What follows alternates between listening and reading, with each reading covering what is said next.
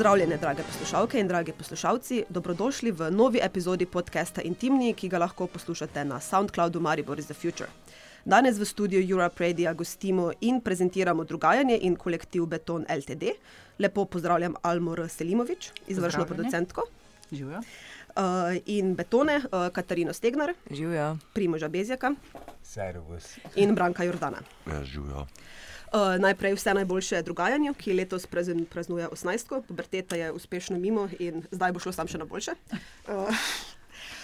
Uh, festival, ki ga od leta 2002 pripravlja Zavod Bunker z drugo gimnazijo Maribor, se fokusira na mlado publiko in zapolnjuje vrzel, ki je v ponudbi, torej predvsem na področju sodobnega plesa in sodobnega gledališča. In bi te Alma kar vprašala, na kak način se v bistvu lotevate dela z mladimi. Um, zdaj, glede na to, da obstajam, da je festival že 18-tič, uh, se meni zdi, da mogoče še vedno zapolnjujemo isto vrzel, da pa se je dikcija o tem zelo spremenila. Naprimer, pred 18 leti, oziroma pred 17, uh, se ni veliko govorilo o kulturno-umetnostni vzgoji, o mladem občinstvu, o potrebah mladega občinstva, o audience buildingu in o to vrstnih stvareh, ampak je bila inicijativa zelo preprosta. Druga gimnazija je bila in najbrž še vedno je, no, uh, takrat zelo specifičen prostor za umetnost. Uh, mal pred dogajanjem je druga gimnazija gostila mladinsko, ki takrat ni hotelo gostovati na Borštniku, tako da so imeli že vzpostavljen gledališki program in gostovalni in uh, svoj, lastno uh -huh. produkcijo. Inicijativa je prišla v bistvu strani ravnatla, ki je uh, prepoznal, da kljub temu, da si poskušajo dijakom omogočiti nekako spoznavanje s čim širšo paleto umetnosti, da imajo neko slepo pego uh, na področju predvsem sodobnega plesa in pa tudi sodobnega gledališča. Tako da inicijativa je bila njegova, se je pa Bunker takrat uh, kar hitro odzval in v bistvu še isto leto smo naredili drugajanje. Ki je bilo prvo leto uh, in še kar nekaj naslednjih let v zelo, zelo gverilskih pogojih. Um, pač vsi fuloradi razlagamo anekdote o tem, kako smo tovorili šleper lesa gor, da smo postavili odr, pa kako ni bilo niti tehnične infrastrukture, v smislu uh, tudi ljudi, ne, da smo vse te dele znosili gor, ekipa sama, uh, ravnatelj in pa dijaki. Uh, zdaj, v, v zadnjih uh, 18 letih pa se je ta razmislek o tem, kaj je mlado občinstvo, zakaj to delamo, zelo spremenil. Mlado občinstvo, kulturno-umetnostna vzgoja je zdaj nekako um, top prioriteta kulturne politike. In pa zaradi zelo uh, spremenjenih razmer na področju gledališča in sodobnega plesa, na nek način tudi top prioriteta producentov in gledališč samih. Uh, zdaj, pod črto, jaz bi rekla, da se mogoče potrebe občinstva niso tako bistveno spremenile, ali pa potrebe umetniškega sektorja tudi ne. Recimo, sodobni ples je še vedno neka um, siva lisa na področju kulturne ponudbe za mlade. Uh, sodobno gledališče, mogoče malo manj, ampak um, še vedno bi rekla, da mogoče najstniki ali pa to, kar so srednješolska publika, nima dovolj dostopa, ali pa da ne najdejo poti, ali pa da mi ne najdemo poti do njih. Tako da v nekem svojem bistvu mi izpolnjujemo še vedno isto poslanstvo, kar pa se je bistveno spremenilo, je pa kulturna krajina Maribora. Če smo pred 17 izdajami prihajali v neko mesto, ki je sicer imelo bogato kulturno ponudbo, ampak je bila osrediščena predvsem na javne institucije, je zdaj kulturna krajina, po mojem, popolnoma drugačna in zato tudi drugajanje ne prihaja več kot nek satelit, ki pripele vse od ljudi, predstav, tehnike, ampak prihaja bolj nekako kot uh, mogoče vezni člen, kot ponudba sodelovanja in je v resnici skoraj cel program narejen v sodelovanju z lokalnimi kulturnimi organizacijami, predvsem z nevladnimi kulturnimi organizacijami. In tako se dogajanje tudi uh, nekako upenja v širšo ponudbo, ki zdaj obstaja uh, v Mariboru. Letos je eno predstavo izbral tudi Klub mladih selektoric, ki so v program drugajanja uvrstile prizoritev Snežene Premuš in Roka Vevarja Pojesi Sepstva. Spisale so tudi izjemno um, problemsko obrazložitev, v, bistvu, v kateri povejo, da si mlada publika želi pač dobrih predstav, v bistvu, um, ki, ponu, ki jim ponujajo tudi nek mentalni izziv. Uh, in zanimivo in paradoksalno tudi se mi zdi, da si gledališki pedagogi že leta razbijamo glavo s tem, kaj s to mlado publiko, kako jih nagovoriti, kako jih pripeljati v, uh, ne, v uh, dvorane. In je očitno odgovor bil skozi izjemno preprost, ne, da najprej se jih vpraša, potem pa upošteva. ja, no, mislim, odgovor je vedno preprost, obenem pa mogoče tudi, če je odgovor zelo jasen, izvedba ni nujno zelo jasna. Uh, Uh, zdaj ta klub mladih kuratork je en tak bombonček, uh, srček od uh, programa kulturno-umetnostne vzgoje, tudi meni osebno izjemno ljub. Um, zdaj, vedno, ko uh, razmišljamo o tem, kako programirati za mlade, seveda trčimo ob isti problem, kot pri vseh drugih, ne? kako sploh zbirati predstave za kogarkoli. In zdaj tukaj je par preprostih principov. En je, da recimo, če si izbral predstavo, ki je za vse, potem ni za nikogar. Ne? Uh, če nisi razmislil o tem, za koga delaš, potem si spet zgrešil. Uh, in tukaj hodiš po enem takem spolskem terenu, uh, ki uh, se mi zdi, se more uh, odločiti in se zanesti predvsem na sebe, deloma tudi na svoj okus in pa seveda na razumevanje konteksta, kamor prihajaš. Uh, Pri klubu mladih kuratork se mi zdi, da je ta njihov problemski tekst, oziroma to, so, kako so obrazložili svojo selekcijo, lep primer tega, da je razmislek o mladem gledališču, o mladem občinstvu, eh, seveda v svoji osnovi zgrešen, zato ker, tako kot smo odrasli, izjemno segmentirana publika s svojimi okusi, eh, preferencami, eh, ozadji. Tako so tudi mladi izjemno segmentirani. Ne? In zdaj predpostavlja, da je neka najstniška publika, da ima enovit okus, je ravno tako podcenjujoče, kot če bi mislili, da imajo vsi odrasli enak okus. Um, zdaj, one so imele zelo uh, težek izziv in sicer programiranje na področju gledališča je uh, še specifično težko, zato ker mogoče kakšne druge zvrsti, naprimer vem, film lahko ti doma pogledaš 50 filmov ali pa 100 filmov, pa zbereš jih par, ki so pač na voljo za distribucijo ali pa preglasbi. Tudi mogoče včasih ni nujno doživetje v živo, uh, da se lahko odločiš, uh, kaj je kakovostno, kaj ne. Um, oni so pa imeli na voljo, sicer z mentorjem, uh, dve sezoni, da si pogledajo čim več, kar lahko in zberejo predstavo, za katero uh, pač predvidevajo, da bo primerna za drugajanje.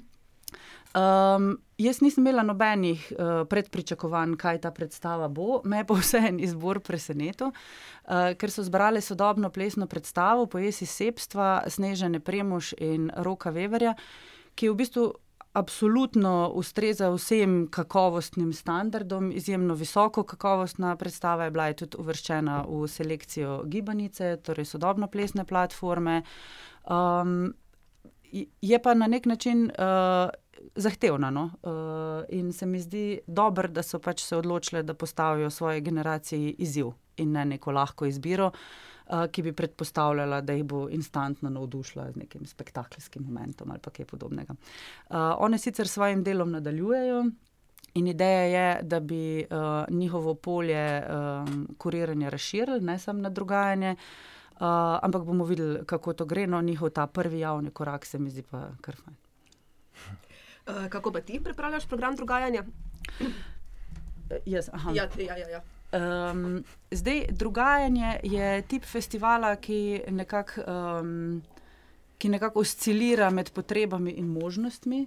Uh, lahko si predstavljate, da je to en mikrofestival, uh, ki je tudi del uh, evropske mreže Festivals in Transition. Uh, za katero sedi 14-15 festivalskih direktorjev, med drugim recimo vem, festival Špilart iz Minhna, Lift iz Londona, Baltic Circle, skratka sami veliki uveljavljeni festivali in potem, ko se drugajanje usede s svojim tridnevnim ali pa štirdnevnim programom za to mizo, se mi včasih zdi, eh, da smo smešno, mikro, uh, mehni.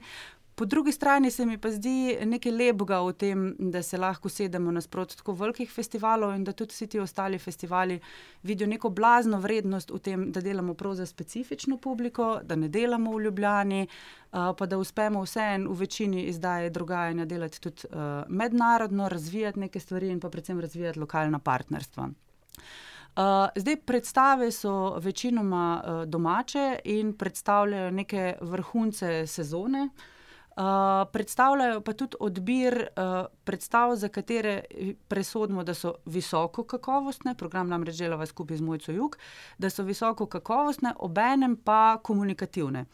To ne pomeni, da so sploščene, poenostavljene, uh, da predvidevamo, da so lažje razumljive, ampak da imajo nek moment komunikativnosti, skratka, da niso popolnoma hermetične in da za vstop v predstavo ni potreben grozljivo velik uh, referenčni okvir. Um, vsakeč znova se izkaže, da če podcenimo publiko, da ni v redu. Uh, imamo pa na vsakem festivalu, najbrž tako kot na, drugim, tudi na drugih festivalih, um, Uh, kak, kako presenečenje, ko kakšna predstava gre blazno dobro čez, kljub temu, da smo pričakovali, da bo šla mogoče težko. Za kako predstavo si pa predstavljamo, da bo zelo nagovorila mlade, pa jih mogoče pusti precej mlačne. No. Um, so pa od prvega festivala naprej um, stalnica na festivalu Beton Tanc oziroma Beton. Um, LTD, deloma zato, ker je tudi eh, del ekipe Mariborska ekipa in pa ker so že od prvega festivala naprej nekako eh, ljubljenci občinstva in se nam zdi, zakaj bi vzeli občinstvo nekaj, kar imajo radi. Ne. Evo, apropo komunikativnosti in vrhunskosti, uh, bi zdaj še vključila vas uh, v pogovor. Uh, kolektiv Beton LTD v svojih, predse, v svojih predstavah loteva problematik sodobnega sveta, identitetnih politik, uh, posameznikove vloge v družbi in odgovornosti do sveta. Um, koga vi nagovarjate s um, svojim delom, oziroma vaše predstave?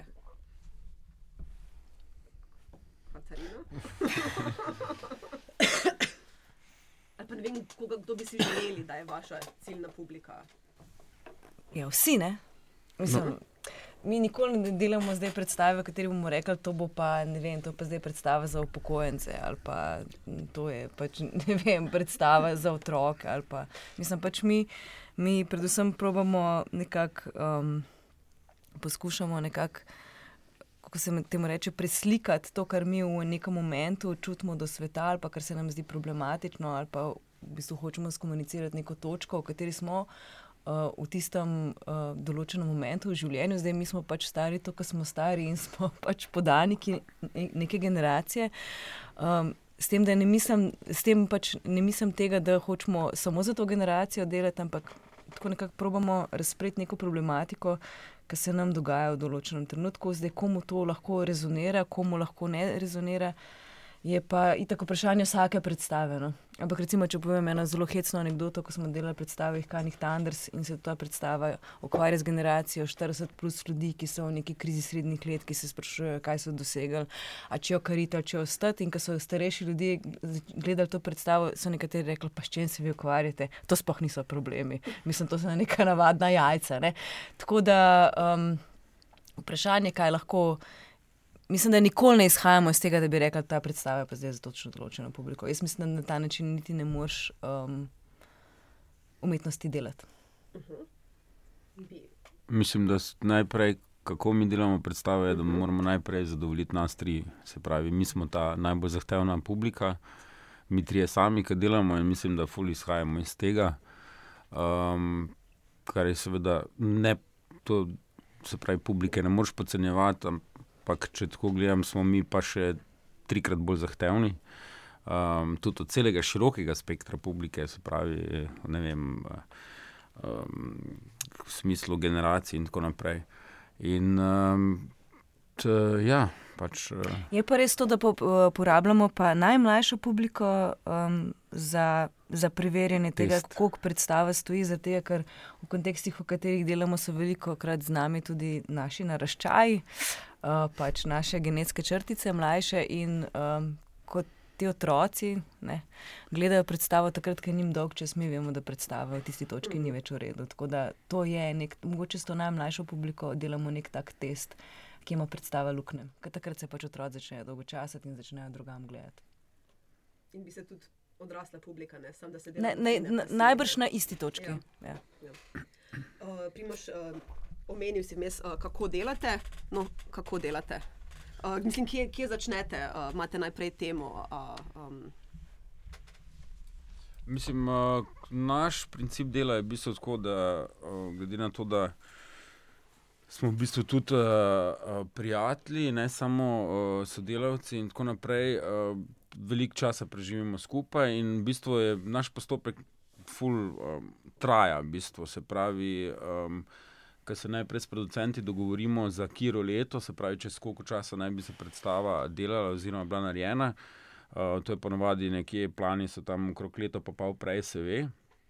Se mi začnemo v bistvu um, pogovarjati in širiti sploh uh, območje teme, in to pomeni, da to prihaja iz vse strani. Se pravi, tako kot je že prej Katarina rekla, eno je obdobje, v katerem smo, kako se počutimo v, trenutnih konstelacijah, kje smo, na kateri točki v življenju. To je pač neka osnova, ki je skozi tam.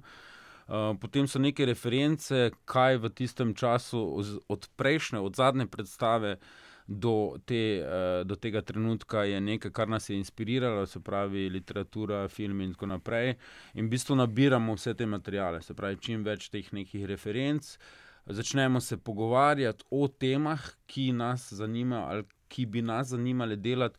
In v bistvu to traja zelo dolg, en zelo dolg proces, kjer je samo so naši pogovori, naše druženja, in v bistvu začnemo v tem letu pa pol počasi ožati. To temo, kaj to je. Včasih, seveda, tema tudi pride recimo, strani eh, eh, producenta, zaradi tega, ker smo recimo, upeti v določeno mreženje. Recimo, vem, um, um, to lahko Alma pove, se pravi, da v bistvu je del budžeta iz uh, neke mreže iskanja nove publike. Tako se pravi, so neke teme, ki, ki že samo z uh, nekim načinom subvencioniranja v bistvu naj bi bile tam. Seveda je to zelo odprto in svobodno, ampak seveda tebi tudi kot. Uh, Uh, ustvarjalcu ti to seveda pomaga včasih izložiti neko polje ali pa na nekaj, kar že na neko temo, o kateri razmišljaš, lahko še nekaj prilepiš, kar naj bi moral, no, mislim, da je to zelo odprto. In je v bistvu ta, ta, ta, ta del procesa v bistvu najdaljši. Um, in uh, če zdaj lahko izdam, ne, naša skrivnost je, da čeprav smo tri igralci, ne, uh, da pač zelo težko stopimo na oder. Ne, in dokler ni vse popolnoma jasno v naših glavah in predebatirano do zadnje mikro uh, vprašanja oziroma dvoma. Uh, v bistvu ne moramo stopiti na oder. No? Tako da mi, ne vem, re, lahko rečem, da 90% časa sedimo za mizo in se pogovarjamo. no, kar pa je po svoje logično, zaradi tega, ker gre za specifiko dela v kolektivu. In zdaj, če govorimo o neki dost um, radikalni obliki kolektivnega dela, kjer nihče, oziroma kjer skupina prevzema odgovornost, ne pa nujno posameznik. Um, ne glede na to, ali gre za časovno etapo, za vsebinsko vprašanje, za neko inicijacijo, je, eh, je seveda ta narava kolektivnega dela zahteva, da se v, v naši celici, ki je najprej sestavljena iz treh članov, potem pa še iz tega zunanjega roba, ki je. S katerim, to se pravi, ostalih sodelavcev, bodi si na področju glasbe, vizualnih um, delov, predstave, dramaturgije in podobno, um, da pravzaprav pride do nekega identičnega razumevanja problema ali pa teme. Se pravi, da je referenčno polje, v katerega vstopamo, jasno za vse udeležence. Um, in ker vemo, da kljub temu, da si lahko rečemo, da okay, je tema ta in ta, recimo izobraževanje ali pa vem, kriza srednjih let, da to seveda odpira zelo različna asociativna um, ali pa m, notranje filme, pri vsakem od posameznikov niso asociacije in je potrebno zlasti zelo veliko časa poskrbeti, da se na nek način ta mreža referenčna v bistvu oblikuje kot neko enovito gradivo oziroma nekaj, o čemer vsaj do določene mere vsi podobno razmišljamo ali pa se strinjamo okoli tega, kakšna je vstopna točka. Um, in, in zato je pravzaprav ta, uh, bi rekel, dolg pripravljalni proces, ki je drugačen kot nekje, kjer je samo ena oseba ali pa dve ali pa tri, so tiste, ki zavežejo koncept, ki, ki v bistvu pripravijo vstopno točko. Um, seveda pa tudi ta referenčno polje ali pa ta vstopni, vstopni moment um, ne odgovori na nič bistvenega v zvezi s tem, kako se bo uprizoritveni material začel, oziroma kako bo predstava v bistvu dobila um, podobo oziroma temelje predstavlja. Ne, to že je, kako bo pa zrasla in v kakšni obliki se bo razkrila pred nami, pa je še vedno neko vprašanje. Tu pa pravzaprav res prihaja do zelo različnih impulzov, ne, včasih um, strani rekel, materijala igralskega, včasih pa popolnoma iz nekih drugih, um, včasih zvočnih asociacij, glasbenih, nekega miljeja. Mm, in, in, in, in včasih pa se začne, pravzaprav nekaj hočemo, pa se začne material samo od sebe na nek način, mimo tega, ustvarjati v prostoru, kar je seveda nek fenomen gledališča.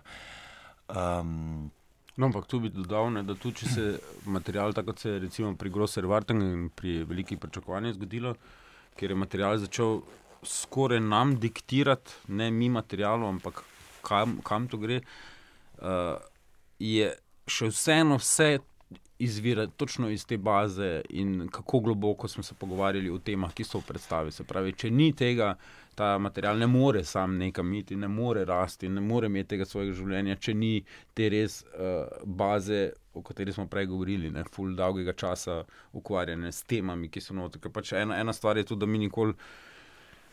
Nimamo samo ene teme, eh, se pravi, mogoče je glavna ena tema, ampak vedno iščemo drugi, tretji, četrti lejer. Ne? Včasih mogoče celo preveč uh, uh, hočemo lejer noter, ampak to je, se mi zdi, edino, kar uh, tudi dela gledalca v bistvu aktivnega znotraj um, samega gledanja predstave. Se pravi, kar si mi želimo, je nikoli gledalca, ki samo sedi in pač dobi in gre, ampak da more pač res aktivno sodelovati um, v predstavi. Okay. Um, velika pričakovanja so drugi del nemškega cikla, za jih kan nicht anders uh, in pred Malcajtom in Hoplavir Leben. Um, kaj je nemški cikl in zakaj, zakaj uh, bo imel skupne teme? Zakaj, mislim, zakaj ste povezali sploh um, za enkrat štiri, um, oziroma dve obstoječi, pa dve potencijalni predstavi v celoto in kaj so njihove skupne točke, razen naslovov v nemščini? ja. Zdaj, za, za tako odločitev je več razlogov. Uh, en, ena je ta, da smo v bistvu. Po mojem, predem bom začela to razlagati, bom uh, razložila neko zvod, ki mu mi med sabo rečemo rdeča. In to je sicer to, da imamo mi recimo komunikacijo s tem zunanjim krogom sodelavcev ne, in se na neki to, določeni točki predstavi tudi vsak izmed nas, ima neko svojo vizijo, kam bi ta predstava mogla iti. Uh, in takrat temu rečemo, da je rdeča. To je samo eden si to tako predstavlja. Tako da zdaj bom jaz v bistvu govorila, o, zakaj jaz mislim, da mora biti to nemški cikl. Bom govorila, da je to rdeča. To, pravi, to je moja interpretacija, zdaj kolega boste potem kasneje povedala svojo interpretacijo. Um, v bistvu smo mi iz Ihkanih Tanders naredili nek, um, se mi zdi, da smo naredili nek velik umetniški premik, kjer se nismo več nekako zanašali na neke, neke postopke, ki smo jih imeli prej, ampak smo se zelo tako, po mojem, pogumno.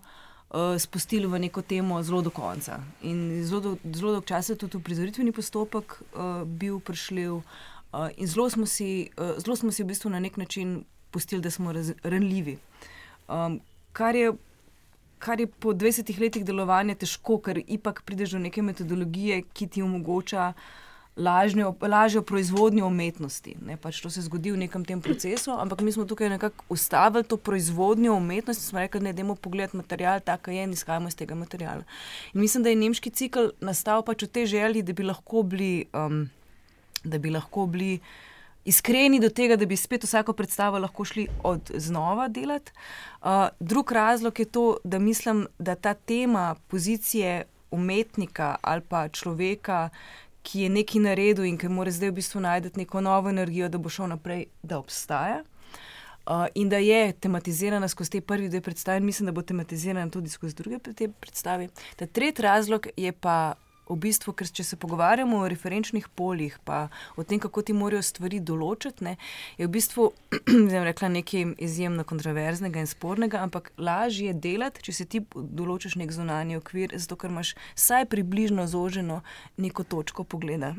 zato je lažje reči, naredil bom tri predstave v tem ciklu, seveda potem bomo takoj s tapetom imeli problem, ker bomo mogli začeti nov cikl. Ne. Ampak je tako lažje misliti nek lok, ki ki v bistvu povezuje, da bi se lahko, da bi se lahko v bistvu neke, neke, da bi se lahko neki estetski postulati ali pa neki principi dela lahko razvijali naprej. Zato je lažje pač temu reči nemški cikl. Ne.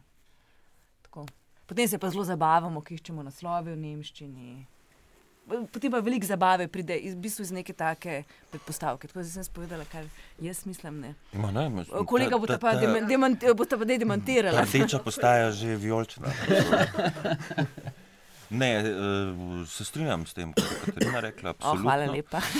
Uh, mislim, v, v, v, v, pa, je pa še v nečem, ne? prej, prej ko si vprašala, kako ali pa za koga delamo eh, predstave. ali Pa, um, v, v, v bistvu je poleg tega, da iščeš neke teme, ki so rekel, intrigantne ali pa ko, ko neko neut, neut, ne, neuralgično točko iščeš v razmerju sebe do publike, do svoje identitete, do vem obdobja, v katerem trenutno živiš.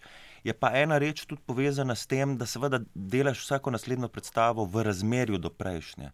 Uh, oziroma, da se ti z leti, a ne, preprosto nek, nekako vlakovna kompozicija začne ustvarjati, ki na nek način tudi narekuje, um, kam naprej. In uh, ena od eh, stvari, ki je Beton LTD, se mi zdi tako dosti jasno opredelila, da smo poskušali delati v razliki do. se pravi, ko, ko je bila neka, že ko je bila prva predstava, recimo, ko smo, ko smo jo naredili. Eh, Smo pravzaprav že za naslednjo, ki se je zgodila dosti spontano, eh, se ukvarjali z tem terminom v razliki do. Se pravi, to polje smo na nek način izčrpali, zdaj pa poskušamo tudi mogoče včasih zelo eh, banalnimi ali pa trivialnimi ali pa takimi materialnimi odločitvami, ne vem, tega ne več, ker bomo šli na neko drugo polje. Zdaj, no, in, in, in v tem smislu se mi zdi, da je en del razlogov tudi za ta nemški cikl, ker se nam pa vendarle zdi, da, v- da včasih ne, zadnji stavek ali pa zadnja misel ali pa zadnji prizor neke predstave včasih ponuja iz, iz, iz, iz, iz, izhodično ali pa odskočno desk, desko za naprej. In v bistvu na nek način mm, nam bilo lažje razmišljati, da, da delamo v nekem določenem kontinuumu. Ne. Kljub temu, da se recimo že prvi dve predstavi, jih Kanih Tanders pa Grosser Vartung po celi vrsti parametrov bistveno razlikujeta, se nam pa zdi, da, da je območje, z katerega mi izhajamo, predstavlja neko dosta novito um, polje, samo da ga z različnimi jezikovnimi, gledališkimi jezikovnimi sredstvi v bistvu prizarjamo in nam daje pač v bistvu možnost, da, da razmišljamo znotraj nekega opusa. No?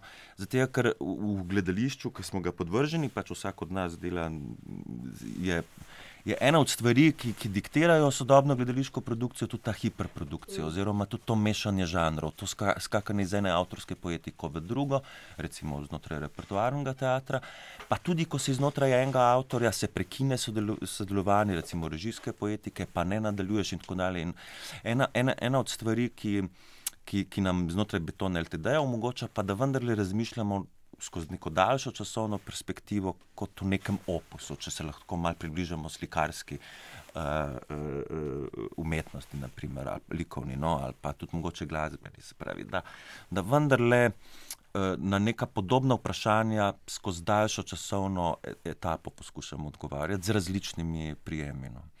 Zato, zato se nam zdi tudi ta nemš, nemški cikl potreben. No. Seveda je na nek način pleonazem, nastaja, v bi- mislim, izvor izhaja pač iz prve predstave, iz tega naslova, jih kanih Tanders, iz, iz neke preokupacije z določeno uh, nemško uh, mentalno schemo, ki je bila v originalu vezana na, na razmerje do imigrantov in tako dalje. Ampak se je razvila pravzaprav kot neka, mislim, se mi zdi, da ne rabimo niti več toliko razlagati, kaj točno pomeni. To za nas je pač to ta rdeča, oziroma zdaj je pač to nemški cikl. a ne. Deloma poskušamo biti konsistentni v tem, deloma pa razprti.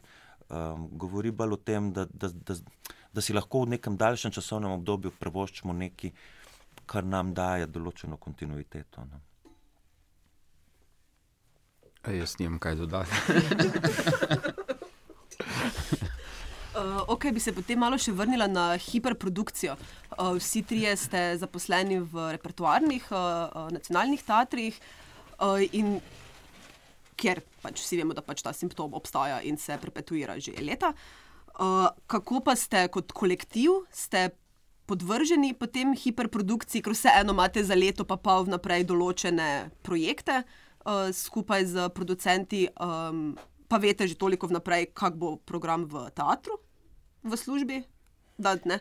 Izvolijo, izvolijo neke logistike, organizacije, tudi da, ne, da kdaj si potem vzeti več časa ja, za nek premislek. Um, Teater je pač zelo m, živa struktura. Ne? In ko to lego kocko sestavljaš, ne? se zdaj recimo prvič zgodil letos, da.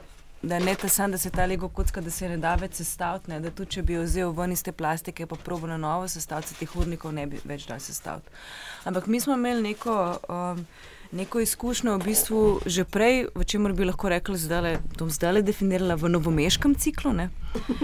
Uh, pomladi, ja. Eh, v, eh, v, v ciklu novomeške pomladi, kjer smo pač na povabilo, na povabilo Matjaža Bergera in koprodukciji Bunkerja pač ustvarili tam štiri predstave in to uh, leto za leto, ne, se pravi vsako leto eno.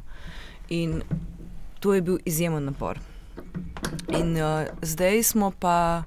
Uh, ki pač, lahko tudi malo opazujemo svet okoli sebe, smo videli, da je v bistvu ta sistem tega, da ti moraš vsako leto, pa, pa, pa vsake dve leti narediti neko predstavo, je neka presija, ki mogoče nam je ni treba ki mogoče ni treba, da podlegamo tej hiperprodukciji samo zato, da bi, da bi pač nekaj naredili, da bi nekaj proizvedli, da bi imeli neko kontinuiteto.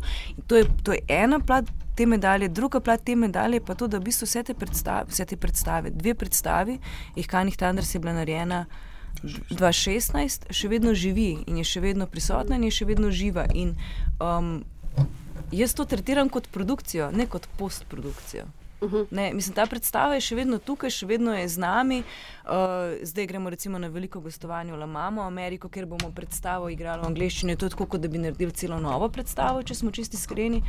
Um, tako da mi smo s temi starimi predstavami, pa naredili smo še en model, kjer smo dali Double Bill v dve predstavi in jih Kanih Tanders in velika pričakovanja v bistvu že s postprodukcijo hiperproduciramo, nekako, no? čeprav zdaj bi to najbrž bil to overstatement, ampak vseeno so te predstave še tukaj, tako da smo se zdaj nekako odločili, ker smo hoteli v bistvu narediti v letu 2020 novo produkcijo, ampak smo iz te uh, Lego kocke.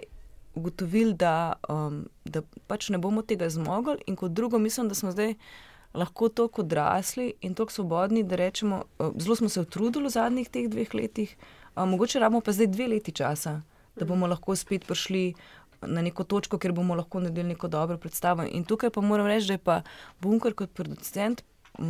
Pa ne, da je izjemno razumevajoč, ampak da je tudi to. Ne? Ne, ne, absolutno, ne, absolutno. Plus, da je izjemno, na robu se izrazila, prosti, plus to, da je izjemno razumevajoč, je tudi to, da v bistvu obstaja neko zavedanje, da, da ti rabiš nek čas, v katerem boš lahko nekaj novega naredil ker drugače reproduciraš stare vzorce, kar pa v bistvu nobenemu, nobenemu ni v interesu. Ne nam kot umetnikom, ne kar kot producentu mm. si predstavljam, da bi, pač, da bi pač produciral in reproduciral nekaj, kar znaš, nekaj, kar je dobro, nekaj, kar je recept.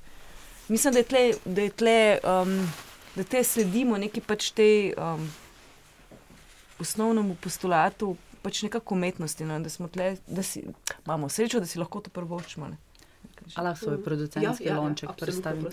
Zdaj, pri govoru o hiperprodukciji eh, mene vedno preveva nek strah, ker se mi zdi, ko mi um, znotraj sektorja govorimo o hiperprodukciji, ne, se seveda lahko strinjamo, da so procesi vedno hitrejši, da moramo vedno več stvari, nekih outputov sproducirati, zato da uh, zadovoljimo, ne vem neke financersko-produkcijske mehanizme. Po drugi strani pa vedno, ko govorimo o hiperprodukciji, meni tako nekako boli eh, v smislu, da res sami sebi govorimo, da je preveč umetnosti, da preveč delamo, mm. da, da ni to tako nevaren teren. Ker se meni zdi tukaj uh, mogoče. Um, Ena taka zaveza neodvisne scene ali pa uh, bunkerja, konkretno, je, da um, lahko sami sebi zadamo, da bomo producirali izjemno malo.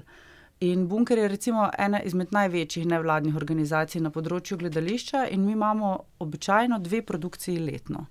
In letošnji dve produkciji sta recimo Malcajt od Beton LTD, ki nastaja po dveh letih, in pa produkcija uh, Maruše King, Žabe, ki je ravno tako nastajala kot avtorski opus dve leti.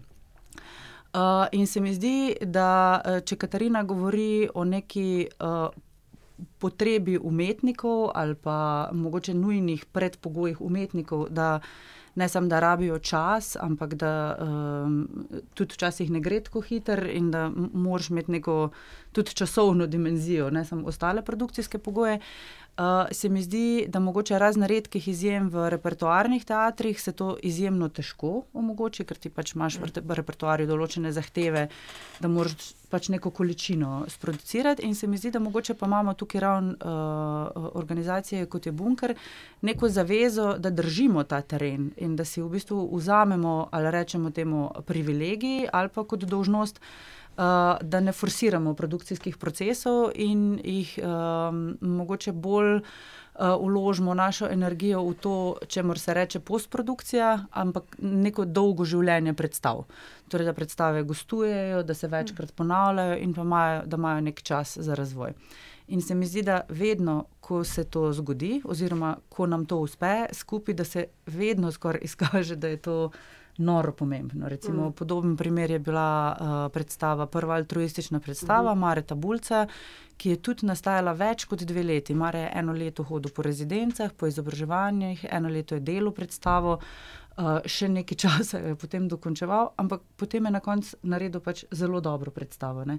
In se mi zdi, da um, jaz ne pravim, da beton LTD ne bi mogli dobre predstave narediti v sedmih tednih, najbrž bi jo, ne? bi jo pač stisnili iz sebe.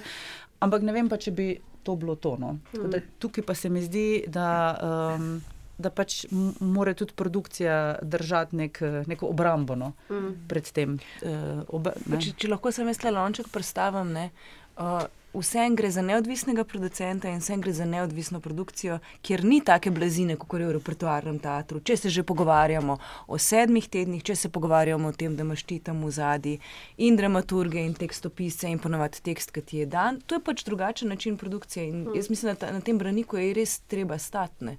Mislim, če, če, če je vse avtorsko, če ti pišeš tekste, če delaš koncepte, če, vem, če delaš samo glasbo, če pač si avtor vsega tega, kar se dogaja, seveda tega, mislim, najbrž lahko narediš v sedmih tednih, ampak za koga? Mm. Za koga tukaj? A zase? Najbrž ne. Mislim, za koga potem to proizvedeš, za koga je to potem dejansko dobro. Pri tem, kar se izkaže, da tudi v teatrih, ki imajo vse poštiman, da je sedem tednov absolutno premalo mm. in da je to nekaj, kar je prišlo v bistvu iz nemškega prostora, zaradi česa? Zaradi urnikov in zaradi repertoarnega teatra. In zakaj, če mi tega ne počnemo, bi mogli iti v stil proizvajanja? Ja. ja. No, mislim, je še, še en vidik. Hiperprodukcija je beseda, mislim, ki se jo hitro primemo. Pač mm. uh, ker, recimo, mi bi se mogli tako zelo vprašati, kaj hiperprodukcija za nas pomeni. In to zdaj ne pomeni, da smo, mislim, da smo samo znotraj betona, je recimo v neki hiperprodukciji ali pa v nekem kolesju ampak da je seveda to nek teritorij, ki je za nas dokaj um, tako srečna oaza. Um, Medtem ko smo upeti še v uh, množstvo drugih projektov, obveznosti, pogodbenih obveznosti, nepogodbenih obveznosti, nepričakovanih, novih povabil in tako dalje. In v bistvu gre bolj seveda za vprašanje zagotavljanja časa oziroma kvalitetnega. Uh, uh, kvalitetnega um, ja, kvalitetnega polikona, kjer se lahko vsi skoncentriramo samo okoli določene stvari. Ne? Na neodvisni sceni je to relativno težko, ker vendar se dogaja. Da, da je v bistvu vse čas kombinacija med nečem, matematika, kje, kdaj najti termin, kako se. Seveda, ne vsi enako in tako, ampak zdaj govorim specifično o nas. Ne. In včasih se seveda tudi to zgodi, da, da, da, da recimo nekaj časa, recimo, če gledam beton LTD, v bistvu zelo počasi stvari nastajajo, potem pa se začne pahljača širiti. Ne, ne dogaja se vse hkrati. Ne. In, in uh, v nekem obdobju, ko je živih več predstav, se odpirajo nove stvari, uh, nova gostovanja in, in nekaj časa gre na tej entuzijazmu. Na, in, in tu je ta čuden, čuden splet profesionalizma in vendarle še nekega ljubitelja prijateljstva, da tako rečem. Ne, to, to ne, ne te besede. Ne, ne, ne. Ja, prav, ma, ja. Ljubezni. Ljubezni. Ja. Ma ne, ne, ne, ne govorimo, ne govorimo o, o, o končnem izdelku, ampak govorimo v bistvu o tem, koliko infrastrukturno časa pa pogojev si lahko zagotoviš, da delaš na, na, na, na nivoju profesionalnih uh, uh, razmer. Ne. In to je, mislim, mi kot kolektiv smo še vedno na točki, kjer v bistvu ne bi mogli obstajati, ali pa bi se mogli mogoče na neki točki vprašati, ali je možno, da obstajamo samo kot kolektiv, ne, se pravi izven tisočerih drugih stvari. In šele tam se potem pojavlja lahko vprašanje, za res pravo vprašanje, gre res za hiperprodukcijo ali ne. ne. Tako pa v bistvu ta ljubezen ne, se izčrpa na, na faktorju časa, v bistvu, ne. na, čas, na, na vprašanju časa in koliko lahko v tem času iz, iztisneš. Ne. Je pa tako, da mi smo pravzaprav od vsega začetka, mislim, že s prvo predstavo na nek način je bilo jasno, da, da bomo poskušali delati takrat, ko bomo vendarle imeli potrebo. ne. Mislim, ko bo, ko bo ustvarjalna potreba za to, da delamo. Ne. Res pa je, da smo ob fenomenalnem sodelovanju z bunkerjem, ne, to moramo reči, prišli tudi na, na razmerje med tem, kako načrtovati, kako, biti do teh načrtov v bistvu. Um, prožen, neprožen, uh, uh, zavezan. Um, in tu seveda, mislim, mogoče se prvič letos po, po, po koliko, skoraj desetih letih govorimo, ne, vendarle prvič na nek način, jaz osebno, evo rdeča, občutim rahu notranji konflikt vseb, ne, med tem, koliko čutim zunanjih, um, rekel, obvez in koliko imam notranjega kuriva, da te obveze neopazno izpolnjujem v želji, da bi samo bo, dobro, boljše delali ali kaj takega. In, in, in, in potem se na, na- tej točki se pa pojavi ta, bi rekel, pogojno rečeno, hiperprodu, hiper, oznaka hiperprodukcije, kjer še zmoreš ali pa ne zmoreš, ali pa rata neki zato, ker je dedla in, in te stvari. Ampak to je nekaj, kar se mi zdi, se dogaja v različnih obdobjih, ampak na vseh oblikah ustvarjalne tele mašinerije. Ne. Um, nekje pač rata. Uh, Obvezujoče. Ne? In takrat, ko to obvezujoče, moraš seveda dobro premisliti, kako infrastrukturno stvari stojijo, kakšen, kakšno podporo imaš, koliko, koliko lahko zares delaš. Ne? Um, pa če bi, se, če bi bilo možno, hipotetično, si predstavljamo, da bunker dobi Creative Europe, eh, norveške sklade. Uh, to 500 imamo. jurjev več kot uh, na programcu, čisto vse razpise, in da ste lahko vi na redni plači, da imate dve leti rezidence samo za koncipiranje projekta.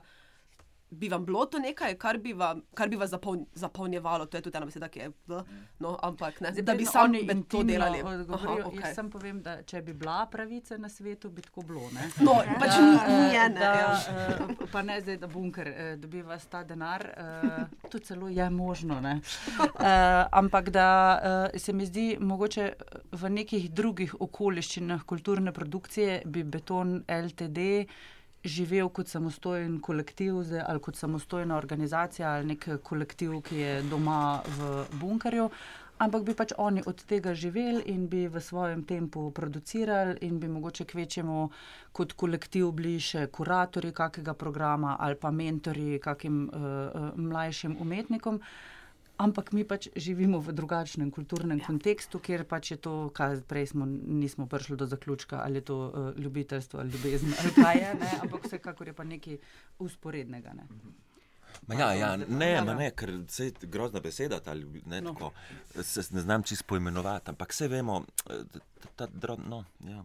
Ne vem pa, če bi hoteli. No, to, pa No, je- ja. to pa je njihov. No, jaz absolutno bi hotel. Ja. Mislim, da je pač čist, čist, eh, čist nek drug način. Uh, Mislim, mentalni. Ne, se, ne vem, če se pogovarjamo o tem, uh, vsak uh, umetnik je kadarkoli uh, prvič izkusil neko rezidenco, kar pomeni, da greš nekam ali za en mesec, ali pa včasih tudi sam za en teden, deset dni, ker se popolnoma odklopiš, si nekje v nekem drugem okolju, nimaš ničesar od tega vsakodnevnih opravkov, opravil in uh, nujnosti, ki jih moraš početi vidiš, kakšna razlika to pač je, ker ti greš nekam, kjer, kjer imaš pogoje, ki so pogoji ustvarjeni tako, da si prišel tja in da res si 24-7, se pravi 24 ur na dan, ali v kolektiv prvič skupaj, uh, ali pa tudi če si sam, uh, je res samo, samo ta ena stvar. Ne? In zato to, to pač tudi ne gre samo, da delaš, ne gre samo, da si nekje drugje. Da, da, da vem, iščeš stvari, gledaš predstave, vse, vseeno, vse te inpute, ne, zato rabiš čas. Sej tudi mm. doma to počneš, ampak uh, teh inputov v bistvu uh, pa sploh ne zaznaš, ravno zaradi vseh teh motenj. Mogoče bi ista stvar, ista predstava, ki jo vidiš ti v tem tempu in vseh teh opravkih, sploh ne pride to do tebe, oziroma sploh ne razmisliš o njej in tako naprej, kaj ti je naredilo. In se mi zdi, da je to pač nujno. Pač meni, Ker smo začeli prvič šli nekam na rezidenco, pa to šele vidiš, kaj to pomeni. Ne? In seveda, to je nujno potrebno. In, um, Ja, čeprav, eno, eno so rezidence, drugo se mi pa zdi to, da imaš ti tam, kjer si v bistvu, kjer imaš vem, zdaj, ustvarjalni pristan, tam, kjer si doma tudi toliko optimalne pogoje de, za delo, da lahko mogoče delaš 8 ur na dan, ampak v nekem daljšem časovnem obdobju, da ti ni treba užeti tistih 24-7 na rezidenci. Ne? In zdaj, če povemo dva primera iz drugih kulturnih kontekstov, recimo dva neka kolektiva, ki sta tudi avtorska kolektiva, kot so bili uh, naprimer Jong Holandija ali pa. Tam smo se zastrupli. uh, uh, naprimer uh, tudi vem, Švalbe. Ne? Skratka, neki kolektivi, ki so v bistvu igravski kolektivi pa hkrati avtorski kolektivi v tujini funkcionirajo tako, da pač mm. kolektiv producira predstave, ki niso nujno letne. Obenem, uh, naprimer, uh, Jong Holandija, oziroma zdaj se imenujejo Wunderbaum, so postali umetniške vodje enega nemškega gledališča, kjer kurirajo. Um, preidejo mogoče v neko zelo mentorsko delo in niso upeti. Snedi ne mislim, da je, da je nujno, da ti dve leti delaš, mogoče samo predstavo, to zdaj je ful, neko nisem ustvarjalka, ampak da mogoče tvoja pozornost res uh, sicer razsrediščena, ampak vseeno se centrira okrog te ene stvari, ki je ja, kolektiv. Ja. In zdaj ti znotraj tega, seveda, lahko lah kuriraš, uh, lahko upravljaš PR obveznosti, lahko bereš, lahko si mentor, ampak vendarle je to center tvojega dela in to vse oplaja pač produkcijo, ki nastaja. Ne? In tudi to, mogoče ti si prej omenil skakanje med avtorskimi poetikami, kjer ti noro igraš uh, v postprodukciji, hkrati razvijaš tri nove projekte, bolj problematično, kot to, da ful velik delaš. Absolutno. absolutno. Čeprav to no, po drugi strani. Uh, To, da, da, da smo, mislim, zdaj mi tako govorimo, kot da si mi želimo neko komuno, v kateri ne, ne, ne, ne, ne jaz pa, jaz pa sam pač po, po, povzemam, da si želimo neko komuno, kjer bomo lahko samo to ustvarjali. Ne? Mislim, gre pa na eni strani za neke zelo dobre produkcijske pogoje, kjer bi se ti lahko sfokusiral točno to, ampak mislim, da je naša kvaliteta tudi v tem, da delamo v različnih avtorskih poetikah, in da smo v neki top igralske kondiciji, v kateri pa najbrž pod temi produkcijskimi mm. pogoji, pod betonom, ne bi mogli biti. In to je nek, uh, neko zaledje, ki ga uporabljamo, pa ne uporabljamo samo tega igralskega zaledja, ampak uporabljamo vse referenčni prostor, ki ga dobivamo v okolju. In imamo zaradi tega tudi nek zelo velik pregled. Mm. To je pa nekaj, ne? ti si sicer želiš, da bi. Um, da bi se lahko sfokusiral, pa da bi lahko delal samo eno stvar, pa da bi lahko to stvar delal do konca, pa da bi šlo, vse šlo v to. Ampak hkrati s tem se mi zdi, da zgubljaš nek oblak nečesa, kar je pa, kar je pa zelo potrebno za tvojo kreacijo. Mm. Tako da je vedno, um, mislim, da je to dobro vprašanje, če zdaj dobimo norveški sklad. Ali bi mi Ne, čeprav je hipotetično, kaj je to. Kaj je ne, če, recimo, če recimo pod bunkerjem ne, na Slomškovi najdemo nafto in si pač to nafto potem prisvojimo, ne, uh, kaj, bi, kaj bi potem naredili? Ja. Ali pa, ali pa recimo, ali pa recimo, ali pa recimo druga, ki je pa bolj verjetna, ne, da si gremo zdaj kupiti loto listek ne, in da pač nekdo zavdane 6 milijonov evrov. Le, jaz vsak teden igram loto, ne. pa ko bo, ne, boste na vrsti, ampak do takrat pa vam ni treba. Produkcija del igra loto za vas. jaz bi si predvsem želel, mislim, ker to, to, to kar, kar Katarina govori, ima absolutno smisel. Ne, veže se malo tudi na različna obdobja. Ne mi smo eno tako etapo, 15 let, mislim, eno tako temeljno um, debato imeli ne 15 let nazaj, še pod beton tancem. Um, Med željami, idejami in ravno in, in, in uh, Wunderbaum oziroma Jon Holandija. Ja, možnostmi. Uh, si pa jaz predvsem želim, da mogoče v prihodnosti, zato ker vendarle mi, mi izhajamo iz nekih produkcijskih modelov, ki jih pač poznamo. Ne? In tu znotraj iščemo življenjski prostor, se mm, pozicioniramo in tako dalje. Ampak bi si za prihodnosti pa res želel, da bi vendarle lahko postal, da bi imeli primere te prakse, vsaj za določeno obdobje določenih kolektivov ali pa režijskih individualnih poetik, ki bi prevzele za neko časovno obdobje neko bolj avtonomno obliko ustvarjanja eh, in mogoče v nekih produkcijskih modelih, ki, ki obstajajo, ki so, pa pač pri nas še niso razviti in, in bi si želel, da bi mogoče kakšne generacije, mi bomo težko ne, to na, dobro, na, nafto našli, uh, da, da, uh, da bi se zgodil, ker se mi zdi, da bi bil to dober signal. No, tako kot se mi zdi dober signal, da sploh obstaja igralski kolektiv, tako kot je Beton LTD. Uh, um, ki je tudi, ne, mislim, da se že iz tega vidi dvoživka v tem smislu, da je hkrati ustvarjalec in hkrati izvajalec, mislim, med, med igravcem in, in uh, ustvarjalcem v smislu režije ali pa ne vem, koncepta. Ne.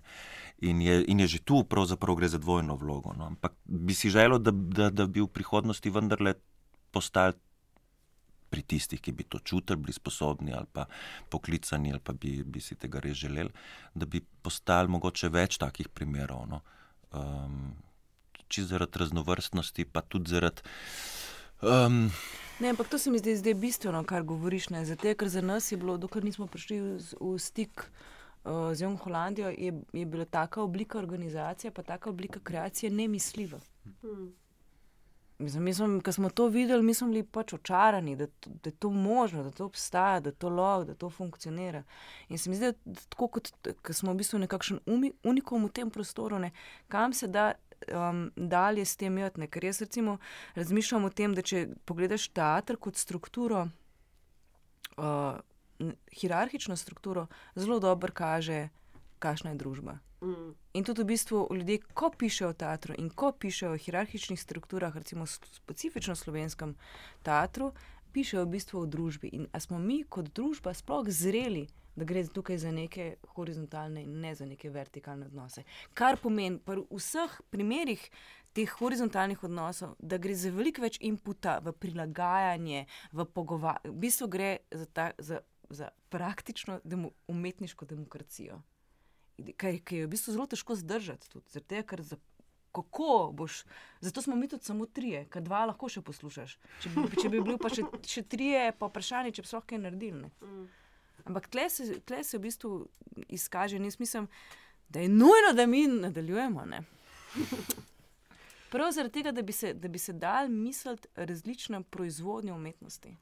Ker, ker se mi zdi, da na drugih področjih je to na področjih, ki so bolj razprta, v vizualni umetnosti, performativni umetnosti, v eksperimentalni, novi medijski umetnosti, se to lažje pogotne. Tem, kar teater ne, je pa en tak, ima vizijo. Ja. En ta. No, mislim, da teater tudi zahteva večji produkcijski pogon kot večina mm. ostalih mm. uh, zvrsti. Ne? Ti vizualni projekt, seveda, eni zahtevajo tudi gigantske pogoje, ampak hipotetično ti vizualno delo sproduciraš lahko v kleti ga daš nekam ali pa imaš v lepo monodramo tudi. Tudi lahko, no, ampak recimo teater, kot ga mi delamo, vse en zahteva tudi nek, ne vem, organizacijsko, tehnično, logistični ja, pogoj, primerne prostore, eh, drago opremo, ni, ni produkcija enega človeka doma. Ne. Ja, ampak tudi ta uh, demokratizacija umetnosti, ne, se je tudi potem v bistvu zahtevalo sistemske spremembe, vsaj od akademije um, dalje, ne, če druga ne, ne. Ker tam, mislim, vsaj po mojih opažanjih se tam začne ta ne, diktat profesorja, ki, od katerega se študent režije nauči tega diktata in ga potem um, reproducira v prihajajočih uh, procesih. Ne. ne bom zdaj pospoševala, da so vsi taki, ampak velika večina primerov se pač vedno tako dela. Vzorci je tak, vzorci je tak. Ampak sploh je pa najbrž neka inštitucija vseeno proizvaja neke določene kadre ne? mm. za, za, nek, za, nek, za neko določeno industrijo, pa da imamo temu tako reči, ki tam mm. je, ki funkcionira po določenih vzorcih. In čim se pride na to, da bi bilo tam vzorc mogoče spremeniti ali pa ga na novo misliti, da je tako nek problem. Ne. Ma ja, ker niti ne gre samo za vzorec, ampak gre tudi za kompetence. Ne? Če ti igralce štiri leta vzgajaš in izobražuješ v tem, da so oni izvajalci vizije ali pa ideje nekoga drugega, in se pričakuje, da bodo oddali tri strani seminarske, ki jo bodo prekopirali iz ne vem, si gledal, pika si. Ne? Sej potem ne moreš, mislim, niti nimaš tega kadra, ki bi delal avtorski teater. Ker ni, ne samo, da niti Zdaj pa, zdaj, nisi zdaj pa Branko, zdaj pa, zdaj pa Branko globoko, zdaj pa Branko ful globoko vzdihnu, ampak preden boš ti zdaj jaz. pa ne bom jaz sam nekaj povedala. Meni se zdi, da, to, da ni to tok problem, uh, Ne, da ni to ne, problem je akademije, pač- ampak je to problem Ne, ma, mislim, ključno različnih oseb. Ne, različnih, ne, ne, eh, jaz mislim, rdeča, ne, da je to problem različnih osebnosti. No. Da to ni tako zelo problem Osebnosti. osebnosti. Ja, da to ni tako problem sistema, zdaj pa sistem pa lahko to ubije ali pa pušne. To je to. No, jaz pa mislim, da je, da je v bistvu. Zdaj pa še ni imel časa Ja, se bo, se bo na koncu, profesor povedal. Uh, ne, meni se zdi, da je bolj. Uh, a veš, uh, ful je to vprašanje. Ne? Ja, uh, jaz mislim, da bi mogli. Ne, uh, uh, Na splošno univerze, se pravi, uh, biti najbolj razprti uh, prostor. Ne. Jaz pač nikoli ne morem pozabiti, kako še vedno, pa je to bilo 15 let nazaj, veš, kako, kako, kako eh, ta, ta princip uh, izobraževanja, pedagogike same, ki, ki, se pravi, to ne moramo mi zagledati samo univerze, fakse, to gre od praktično vrca naprej, kako je to. Kako na nek način se to počasi spremenja. Oziroma, ne, jaz, recimo, to je bil ta en primer. Uh, eno leto je bil že te na, na, na, na AGRFT, na filmski režiji. Uh, človek, ki že pač prej delal, ne, uh, je pokazal te svoje stvari in je bilo rečeno, ne, ne, ne to, to je nek video, pa to ne, ne, veš, film je Godar, film je Trkovski in tako naprej. Ne. In to je bilo to, ta princip razmišljanja. Ne. Potem je šel pa na izmenjavo eh, na Finsko, kjer pokažete, kaj ste do zdaj delali. In profesor reče: A, zanimivo, gledaj.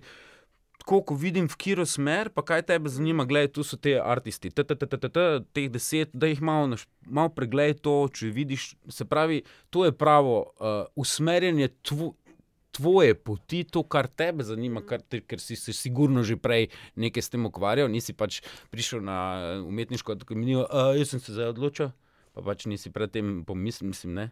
To je ena stvar. Se pravi, tu, tu ima se nekaj ful širši. Po drugi strani pa spet, če, pa, če, pa, če, pa, če pa se predstaviš malo tja, je pa tako. Ne? Mi vemo, kak je sistem. Ti moraš pa ljudi tudi pripraviti na ta sistem. Se pravi, če jim ti pa prodajaš samo sanje, kako je vse razprto in sanja in delaj samo uh, to, kar tebe in boš ti uh, to, kar tebe zanima in to, hej, zaupaj si, sledi si in na koncu boš prišel do tega cilja. Ja, to lahko rečemo, to se fulje posliši in to vsi verjamemo, moš to verjeti. Ampak po drugi strani tebe pa spet pripravljeno na ta prostor, kamor boš ti vržen na nek način.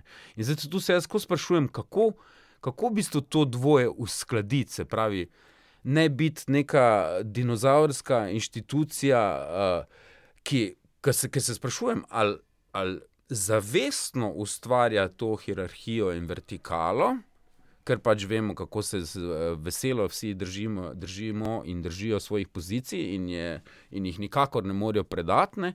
Ali je to vse zavestno, oziroma če ni, je pa spet priprava, da prišli boste v, v, v tako sredino. Ta, takšen, pač, takšna je kulturna politika, tako se pač pri nas dela. ne. Uh, in zdaj, ali ti moraš tu človeka pripraviti na to, ali. In tu se mi zdi, da je eno tako ful vprašanje. Jaz pač mislim, da mora biti ta, raz, mislim, da, da, da, je treba v bistvu od začetka razmišljati točno o spreminjanju sistema, izboljševanju sistema. No. Ampak, Ampak, eh, gled, po, drugi strani, po drugi strani pa to najbrž vprašanje nekega v, bazičnega verovanja ali pa neke bazične dogme, ki jo imaš vse kot človek. seveda. Mislim, najbrž ni tle nekega odgovora. Ne? Ampak, če pomisliš, če pogledaš naš vzorčen primer, ne? našega, našega konzervativnega vstopa na to šolo, kjer smo no. imeli najbolj konzervativnega. Recimo, da se zdaj ful pretiravam, ker smo imeli pač konzervativno štiriletno vzgojo, tri od osmih ljudi so šli v alternativo, če lahko tako temu rečeš. To je skoraj 50%. To se pravi, da na nek način tudi to, da je šola, ker jaz pa, jaz pa mislim dve stvari, ne, to zdaj uh, ultra rdeča, ne, fuksija, ne, Magenta. magenta, ja. Jaz mislim, jaz mislim, da šola ad ena mora biti konzervativna. Ja, ja, ja, ja mora biti konzervativna, zato ker edinsko s konzervativnost. Ne, mora biti konzervativna, ker internat, da lahko, ja, da lahko dobiš odpor.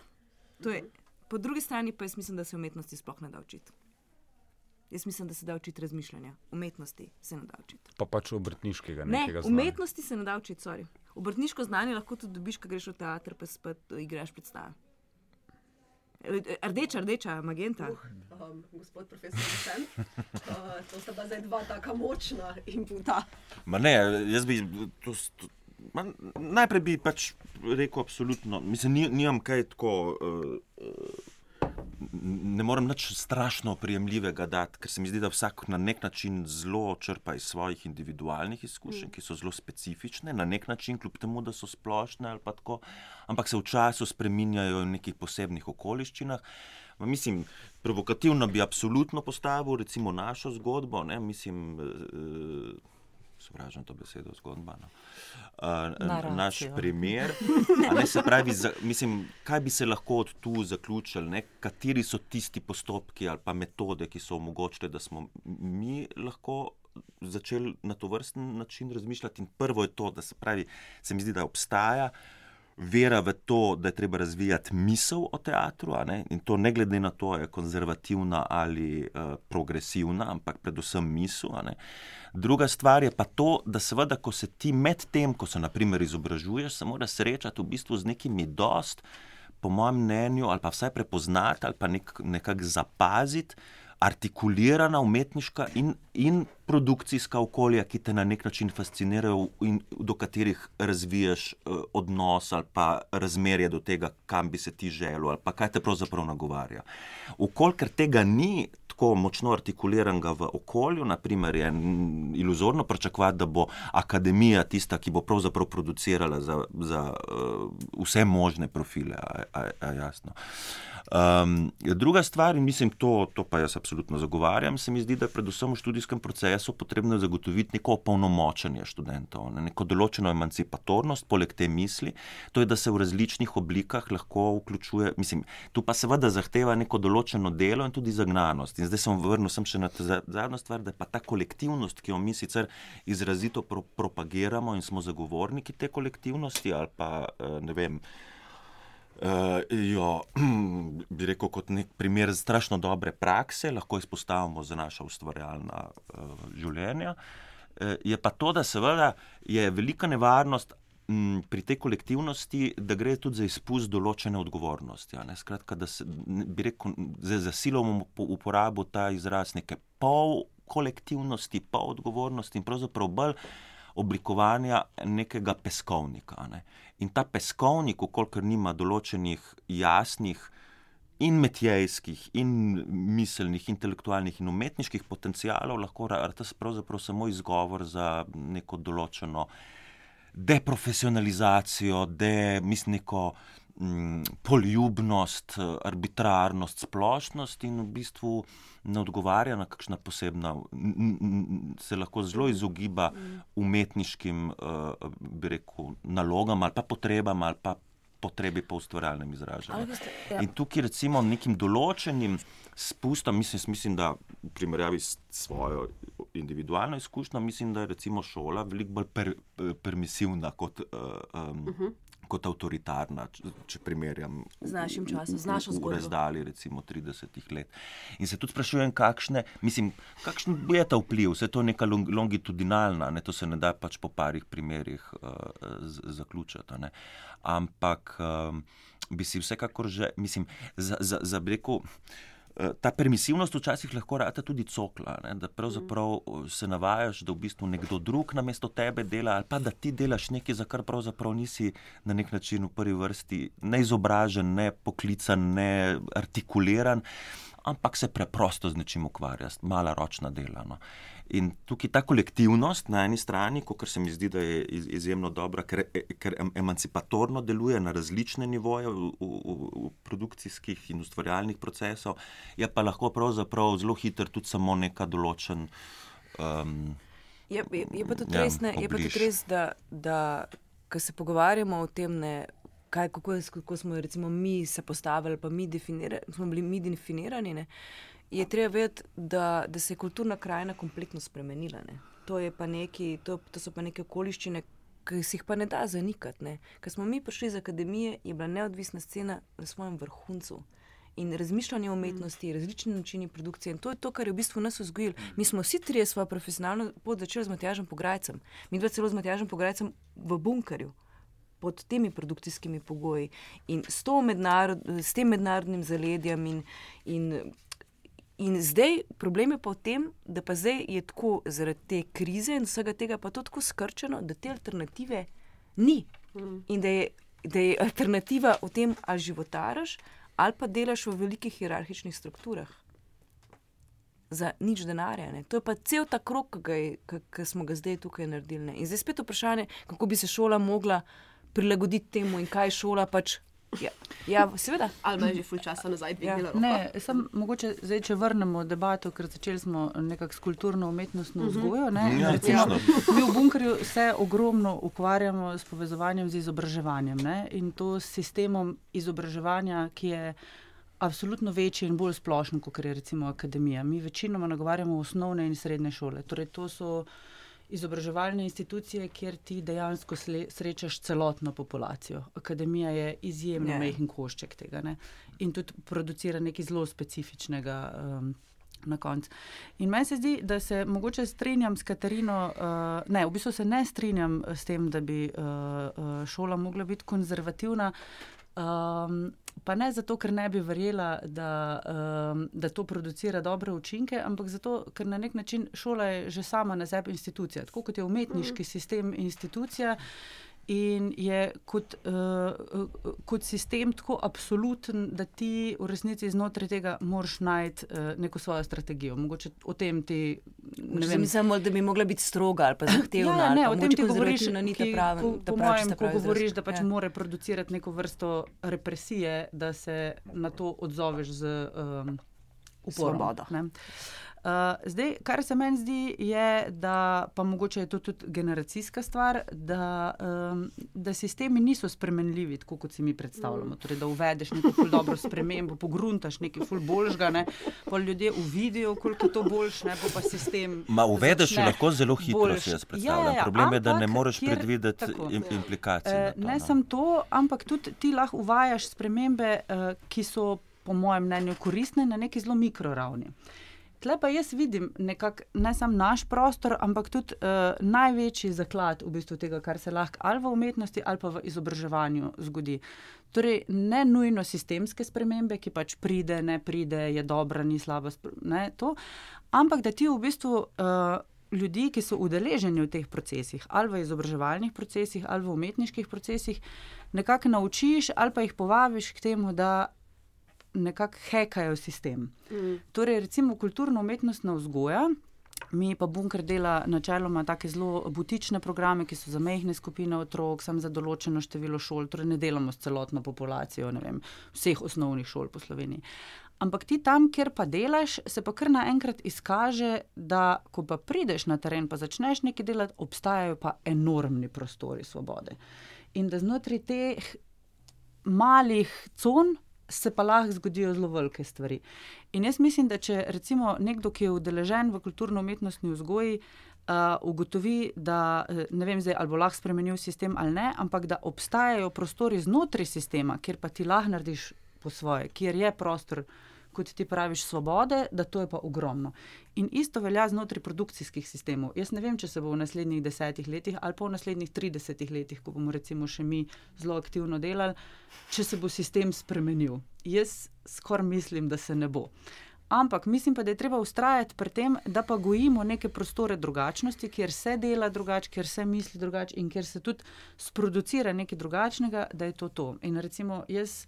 Mislim, da je eh, naprimer, pri kulturno-umetnostni vzgoji totalna zmaga, ko z neko šolo skupaj ugotovimo, da če so prej 30 let nekaj delali tako, da v bistvu ni treba, mm. da lahko delajo popolnoma drugače in da sistem tega ne blokira, mm. da je sistem indiferenten do tega in da se da. In recimo tudi zdaj. Uh, um, Ker smo pač tukaj v kontekstu dogajanja. Dogajanje je tak primer. Mislim, ko ti pomisliš na eno srednjo šolo, uh, ki ima mednarodni oddelek, ki ima ogromno razredov, ki sproducira ne vem koliko ljudi, ki vstopajo v nadaljni akademsko izobraževanje, da ima svoj festival, svoj odr, da ima ogromno umetniško produkcijo, da na svoj odr pripele sodobno gledališče, sodobni ples, da so vsi dijaki deležni tega, da so povabljeni v procese. Meni se to zdi v bistvu nekaj ful velik in da to traja. 18 let, uh, meni se to tudi zdi nekaj uh, zelo velikega in pomembnega. In jaz ne vem, če to uh, bo spremenil generacijo ali pa um, nekako uh, spremenil, kako mi vsi delamo, ampak bo pa za en segment ljudi pa bo ustvaril spremembo. Vsaj upamo. Bravo. Dobro zaključili. Ja, ne. Ja, zdaj smo, zdaj smo pa končali. Nič, kaj je vredno. To, uh, razen, če um, imate še kakšno vprašanje, kar ste si vedno hoteli povedati, pa vas nihče nikoli ni vprašal. Čim manj. Čim manj. Ja, bom pa jaz za njih povedal. No, daj, daj. e, v bistvu danes smo v Mariboru z velikimi pričakovanji, grose Ervartongen in e, super je, da ravno s predstavo, ki se imenuje Velika pričakovanja, otvarjamo festival. Meni se zdi to super šikan. Imajo e, pa Beton LTD premjero čez uh, dobra Slab dva tedna, mesec. čez slabe tri tedne. In to čez je malce slab mesec. na katero vse to plovamo. Kaj smo rekli, 19. 20. 19. 20. december, ko stari elektrarni, malce. Uh, hvala za pozornost. Uh, z vami sem bila Nika Švab, uh, tehnično nas bo obdelal Boštjan Režen in se slišimo. Adijo. Adijo. Adijo. Adijo.